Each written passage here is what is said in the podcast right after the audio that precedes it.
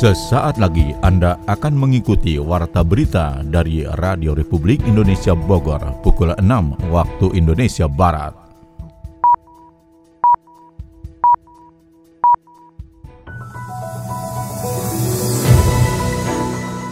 Selamat pagi. Saudara, kita bersua kembali lewat Warta Berita RRI Bogor Senin 7 Februari 2022.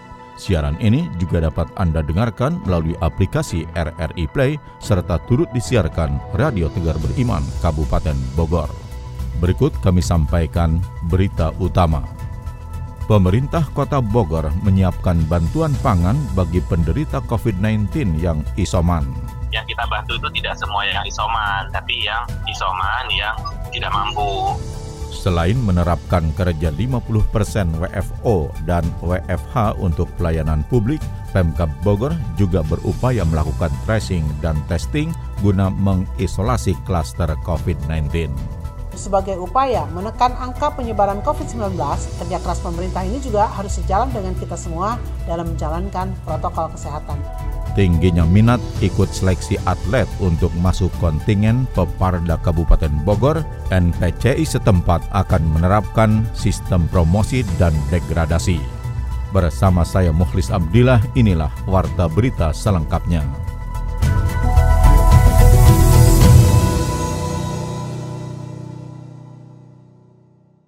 Saudara, pemerintah Kota Bogor menyiapkan bantuan pangan bagi penderita COVID-19 yang menjalani isoman. Berikut catatan Sony Agung Saputra. Meningkatnya angka COVID-19 di Kota Bogor menjadi kekhawatiran terjadinya kerawanan pangan. Saat ini angka COVID-19 di Kota Bogor hampir mencapai 1000 kasus dalam satu hari di mana penderita melakukan isolasi mandiri atau isoman di rumah maupun menjalani perawatan di rumah sakit. Terkait ini pemerintah Kota Bogor sudah menyiapkan sistem penyaluran bantuan pangan di Gedung Wanita sebagai posko utama. Koordinator pos utama Gedung Wanita Muzakir mengatakan bantuan dari berbagai pihak sudah berdatangan guna membantu meringankan beban masyarakat. Pendataan dari kelurahan dan kecamatan pun dilakukan sehingga bisa memperjelas dan memper mempercepat penyaluran kepada masyarakat yang sedang menjalani isolasi mandiri dan terdampak ekonomi. Posko udah kita buka, jadi bantuan dari masyarakat udah mulai juga kita informasikan yang mau menyumbang dan sekarang lebih fokus kita sebetulnya ke ASN dulu, jadi ke, ke teman-teman Pemkot dulu. Jadi tiap-tiap dinas itu ikut menyumbang bantuan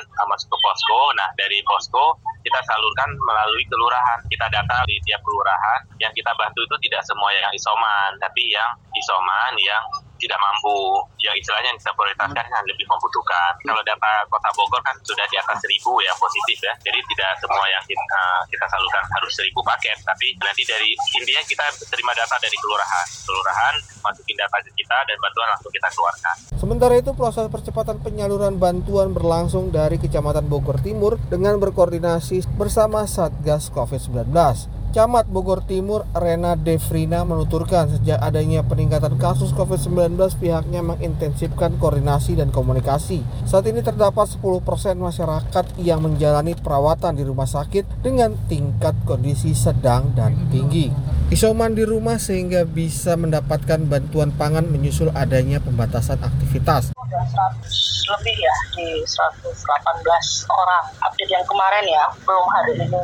Untuk bantuan pangan kita memang tetap sama skemanya kayak tahun-tahun sebelumnya jadi ada dari posko covid yang kota Bogor untuk bantuan kemudian ada juga dari beberapa donatur. Tapi kalau untuk yang terdampak kita memang belum maksimal untuk yang terdampak kita fokus kepada yang sedang eh, menjalani isoman. 10% cuman yang dirawat. Jadi ada beberapa yang rata-rata itu memang mereka ada penyakit penyerta dan usianya sudah lanjut. Jadi ada di BSH, ada di PMI, kemudian ada di di Jakarta juga mereka dirawat, tapi nggak lebih dari 10% untuk okay. dirawat. Semuanya itu gejalanya 90% gejalanya ringan.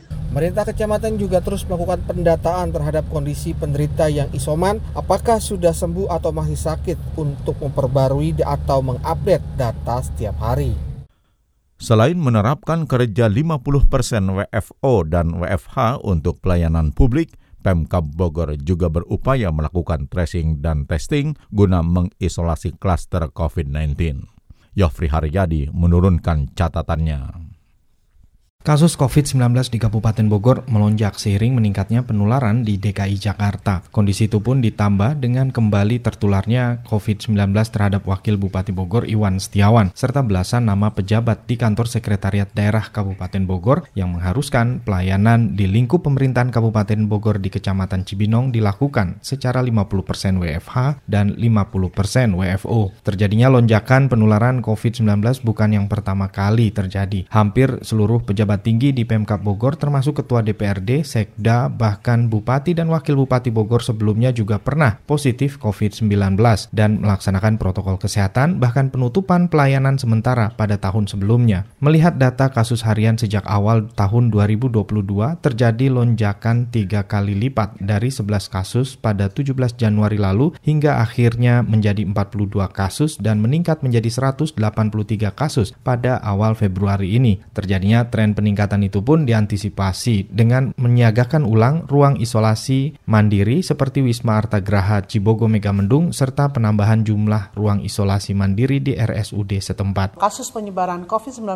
terus bertambah. Bahkan di Kabupaten Bogor saat ini ada 36 kecamatan yang berstatus zona merah dari 40 kecamatan. Untuk itu, sebagai upaya menekan angka penyebaran COVID-19, kerja keras pemerintah ini juga harus sejalan dengan kita semua dalam menjalankan protokol kesehatan. Pemerintah Pemberian vaksin COVID-19 kepada masyarakat tidak dipungut biaya atau gratis. Saya juga meminta kepada warga untuk menerima program vaksinasi massal karena inilah bagian dari ikhtiar kita agar kita bisa kembali hidup normal. Terakhir saya ingatkan untuk selalu mematuhi protokol kesehatan, memakai masker, mencuci tangan dan menjaga jarak untuk kebaikan kita semua. Selain menerapkan kerja 50% WFO dan WFH untuk pelayanan publik, upaya tracing dan testing dilakukan untuk mengisolir klaster pandemi di satu titik saja, sehingga untuk beberapa lokasi pelayanan di kecamatan maupun UPT masih dapat beroperasi seperti sebelumnya saat dalam penerapan PPKM level 2. Pemerintah Kabupaten Bogor juga mulai membatasi mobilisasi warganya dengan meneruskan ganjil genap di jalur wisata Puncak Bogor termasuk mempercepat vaksinasi COVID-19 dosis kedua. Dan jika tren COVID terjadi peningkatan, dimungkinkan Pemkab Bogor akan menambah ruang karantina bagi warga yang kedapatan reaktif saat di swab antigen atau rapid di titik lokasi rawan kerumunan. Sebagai upaya akselerasi menuju program booster, Pemkab Sukabumi mengevaluasi program vaksinasi COVID-19. Catatan selengkapnya disampaikan Adi Fajar Nugraha. Bupati Sukabumi Marwan Hamami mengevaluasi program vaksinasi COVID-19 sebagai upaya akselerasi menuju program booster. Marwan mematakan sejumlah kendala yang terjadi pada pelaksanaan vaksinasi mulai dari anak usia 6 hingga 11 tahun, remaja hingga lansia. Ia meminta seluruh jajaran di kewilayahan mendorong warganya untuk segera dilakukan vaksinasi dosis lengkap. Untuk mengoptimalkan penanganan COVID-19 dengan munculnya varian baru, Pemkap Sukabumi segera melakukan vaksinasi booster yang diprioritaskan untuk masyarakat dengan komorbid serta para lansia. Jadi hasil evaluasi kita kendala-kendala untuk anak sudah jelas. Ada program bias, ada persoalan juga pencatatan dan juga banyak anak yang terkondisikan karena melihat ada kejadian-kejadian tapi psikologis mempengaruhi itu yang anak. Kalau lansia sudah melewati yang dosis 2 kita sedang evaluasi kendala-kendala yang terjadi apakah karena kejenuhan atau mereka sudah merasa divaksin pertama sehingga merasa sehat. Banyak lah, ini evaluasi hari ini tadi masukannya banyak dan akan kita evaluasi dan setiap keyakinan akan dievaluasi. Pemberian vaksin dosis ketiga atau booster menjadi ikhtiar dalam memutus mata rantai penyebaran COVID-19 termasuk varian baru Omikron. Berdasarkan data dari Satgas COVID-19 Kabupaten Sukabumi, per 4 Februari 2022 terdapat penambahan jumlah kasus aktif positif mencapai 114. Dengan kecenderungan peningkatan kasus, masyarakat diminta lebih waspada dengan menjalankan protokol kesehatan dan menyegerakan vaksinasi dosis lengkap. Kemendikbudristek mendorong bibit muda unggul untuk dapat melanjutkan pendidikan ke perguruan tinggi semaksimal mungkin. Dalam upaya mencapai hal tersebut, dan memberikan pemahaman kepada masyarakat, kementerian tersebut menggelar silaturahmi Merdeka Belajar mengangkat tema Sukses Masuk Perguruan Tinggi Negeri atau PTN bersama Lembaga Tes Masuk Perguruan Tinggi LTMPT. Pelaksana Tugas atau PLT Dirjen Pendidikan Tinggi, Riset dan Teknologi Nizam menegaskan penentuan kelulusan seleksi masuk perguruan tinggi selalu berdasarkan capaian akademik. Seleksi tersebut berdasarkan peringkat dan program studi atau prodi. Adapun acuan pemeringkatan bukan hanya rapor tetapi juga prestasi bahkan peserta sendiri dapat mengetahui hasil tesnya. Nizam mengingatkan ketatnya persaingan dalam ujian di mana ada perbandingan yang jauh sekali antara peserta yang diterima dengan peserta yang mendaftar. Rasio peserta yang diterima menyesuaikan dengan jumlah ketersediaan bangku di perguruan tinggi.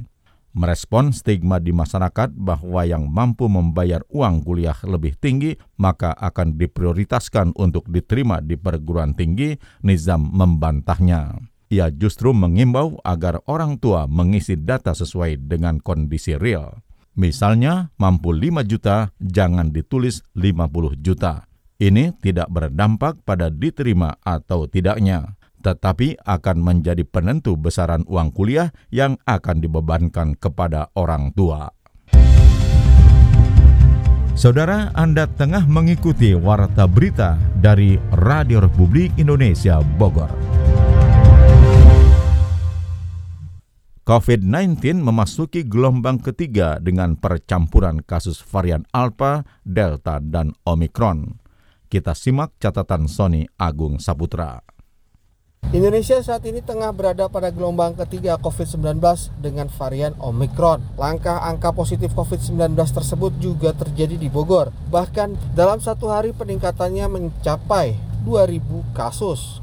Varian tersebut juga terjadi di kota dan Kabupaten Bogor. Bahkan dalam satu hari peningkatannya mencapai sekitar 2000 pasien. Ketua Perhimpunan Ahli Penyakit Dalam Indonesia Papdi Dr. Erwanto menyebutkan saat ini gelombang COVID-19 sudah memasuki gelombang ketiga dengan percampuran kasus varian Alpha, Delta, dan Omicron. Lonjakan kasus tersebut harus tetap mendapatkan perhatian serius. Tingkat keparahan penyakitnya pun belum meningkat namun kerentan bagi yang mempunyai penyakit bawaan atau komorbid. Angka positif rate-nya naik terus dan yang tercatat di tingkat nasional maupun di daerah kan penyebarannya juga cukup luas. Ya, seperti diduga bahwa varian Omicron ini ternyata dari pemeriksaan sequencing itu menempati 90% dari infeksi yang menulari COVID-19 ini. Sisanya ada varian Delta, varian Alpha. Jadi memang varian Omicron seperti diduga akan terjadi kenaikan yang luar biasa. Kemudian masih juga juga dianggap bahwa angka keparahannya rendah. Namun ini tidak berlaku untuk mereka yang ada komorbid. Nah kita juga nggak tahu berapa persen komorbid yang terserang ini. Menurutnya antisipasi atas peningkatan angka kasus COVID-19 dilakukan dengan adanya penambahan tingkat keterisian tempat tidur atau BOR guna melayani pasien tingkat sedang dan tinggi yang bisa dilihat di rumah sakit pemerintah maupun swasta. Saya kira sih persiapan langkah-langkahnya sudah diantisipasi, walaupun nanti kita juga belum bisa memastikan apakah persiapan ini mencukupi atau tidak. Karena kalau dilihat rasio ketersediaan kamar maupun ICU kan seperti pengalaman yang lalu itu overload ya. Tapi sudah dibuat antisipasi, jadi ruangan-ruangan isolasi yang sebulan yang lalu sudah ditutup dan untuk perawatan umum beberapa rumah sakit sudah dibuka lagi untuk perawatan isolasi. Ini merupakan antisipasi. Namun memang yang dirawat ini sebagian datanya hanya mereka yang ringan dan sedang yang tidak perlu oksigen. Nah ini bersyukur mudah-mudahan kondisi ini tidak berlanjut menjadi kondisi-kondisi yang lebih berat. Ditambahkannya ketersediaan oksigen dan obat-obatan juga sudah terlihat mencukupi. Namun demikian, optimalisasi ketercukupan perangkat penyembuhan juga harus dilakukan karena puncaknya belum terjadi. Saudara dari dunia ekonomi dilaporkan lonjakan kasus COVID-19 membuat pengusaha retail di mall khawatir. Informasi selengkapnya disampaikan Adi Fajar Nugraha.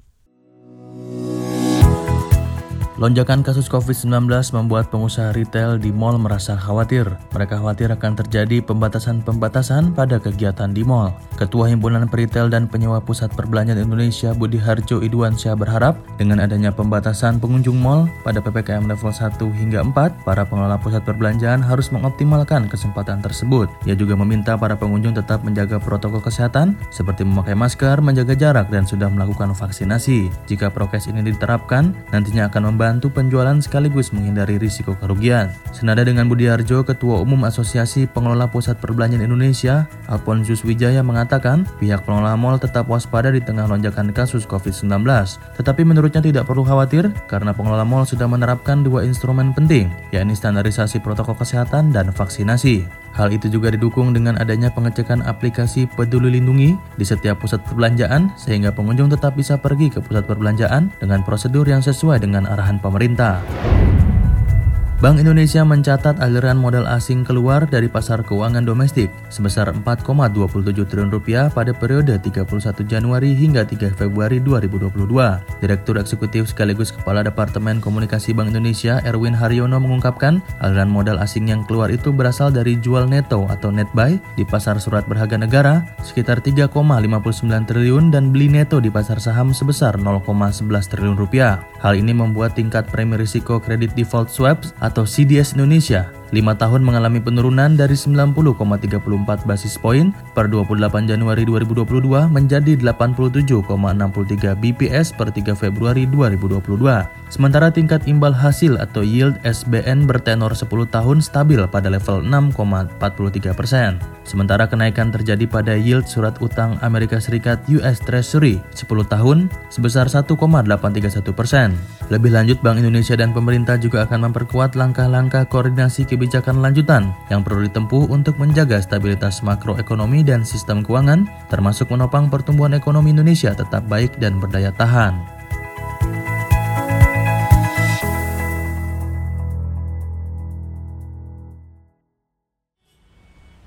Sesuai tujuan ya, Neng? Ini, Neng, silakan helmnya. Iya, Mas. Jalan sekarang ya, Mas? Loh, Neng, kok helmnya nggak dipakai sih? Pakai dulu dong. Gak usah mas, deket ini. Lampu merah, belok kiri sampai deh. Deket atau jauh pakai aja, Neng.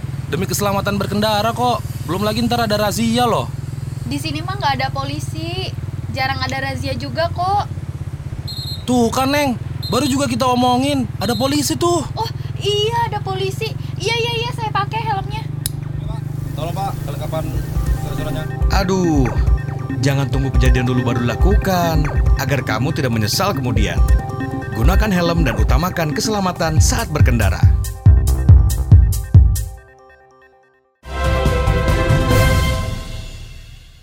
Beralih ke informasi olahraga, tingginya minat ikut seleksi atlet untuk masuk kontingen Peparda Kabupaten Bogor, NPCI setempat akan menerapkan sistem promosi dan degradasi. Catatan olahraga tersebut selengkapnya disampaikan R.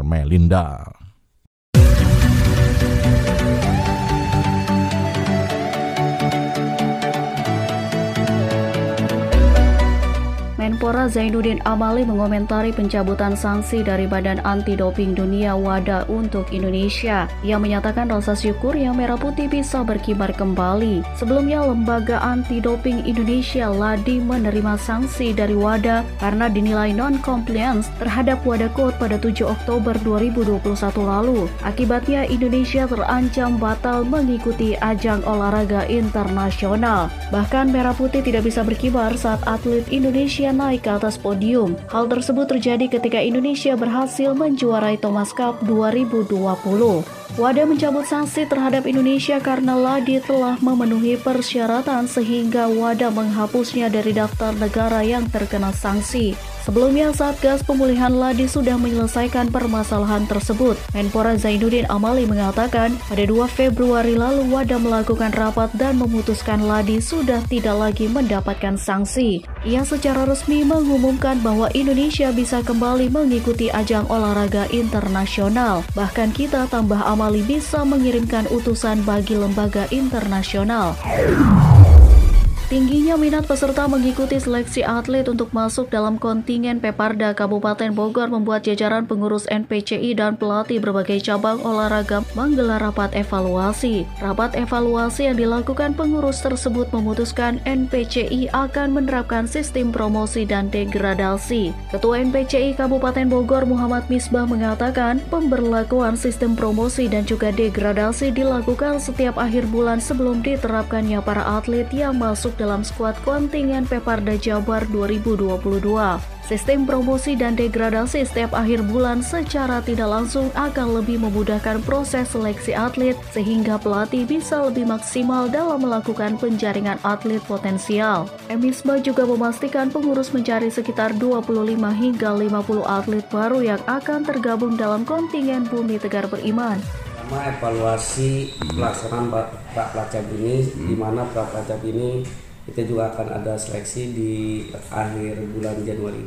Tentunya evaluasi hasil uh, pelaksanaan dua pekan. Tentunya untuk 91 atlet ini hmm. kita membutuhkan untuk tahap 1 50 atlet dari 8 cabur. Yang pertama cabur atletik hmm. 11 atlet, renang 9 atlet, hmm uh, panahan 6 atlet, menembak 5 atlet, hmm. bulu tangkis 6 atlet, tenis meja 6 atlet, catur 2 atlet, hmm. angkat berat 5 atlet, total 50 atlet. Harapan kita semuanya masuk. Hmm. Tapi setidaknya 20 sampai 25 nanti memperkuat Kabupaten Bogor. Nasional Paralimpik Komite Indonesia NPCI Kabupaten Bogor sudah melakukan tahapan rekrutmen para calon atlet yang akan membela Kabupaten Bogor pada Peparda Jabar 2022 di Kabupaten Bekasi. Proses dari rekrutmen atlet yang dilakukan NPCI tersebut mendapat respon positif dari Dinas Pemuda dan Olahraga Dispora Kabupaten Bogor. Sedikitnya ada 90 calon atlet yang sudah terdaftar dan akan ikut dalam seleksi calon atlet NPCI. Muhammad Saifuddin dari Dispora Kabupaten Kabupaten Bogor menilai alur seleksi yang dilakukan NPCI setempat dalam melakukan penjaringan atlet potensial sudah tepat. Ini membuktikan sosialisasi yang dilakukan di Spora dan NPCI tepat sasaran dan berdampak signifikan.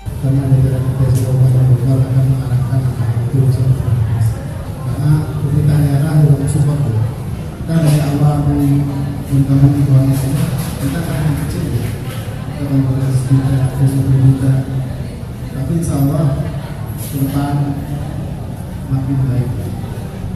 Dan Tuhan yang kalian ini selalu bersumpah. PPN-nya kita sudah semua kita ada kemauan di situ fasilitas yang kita dapat insya Allah kesejahteraan bisa kita dapat ini kita sudah sekaya kita akan butuh pelajaran kita membatasi nanti orang kita lulus tapi masih di misalnya kesehatan untuk pendidikan ini pelatihan juga tidak banyak tidak bisa. Kita dilatih seleksi seluruh salam. Kesehatan dari tujuh cabang olahraga yang masih menggelar seleksi cabang olahraga angkat berat di antaranya termasuk salah satu cabang yang banyak diminati peserta seleksi. Hal tersebut terbukti dengan adanya sembilan calon atlet yang ambil bagian dalam seleksi atlet MPCI setempat.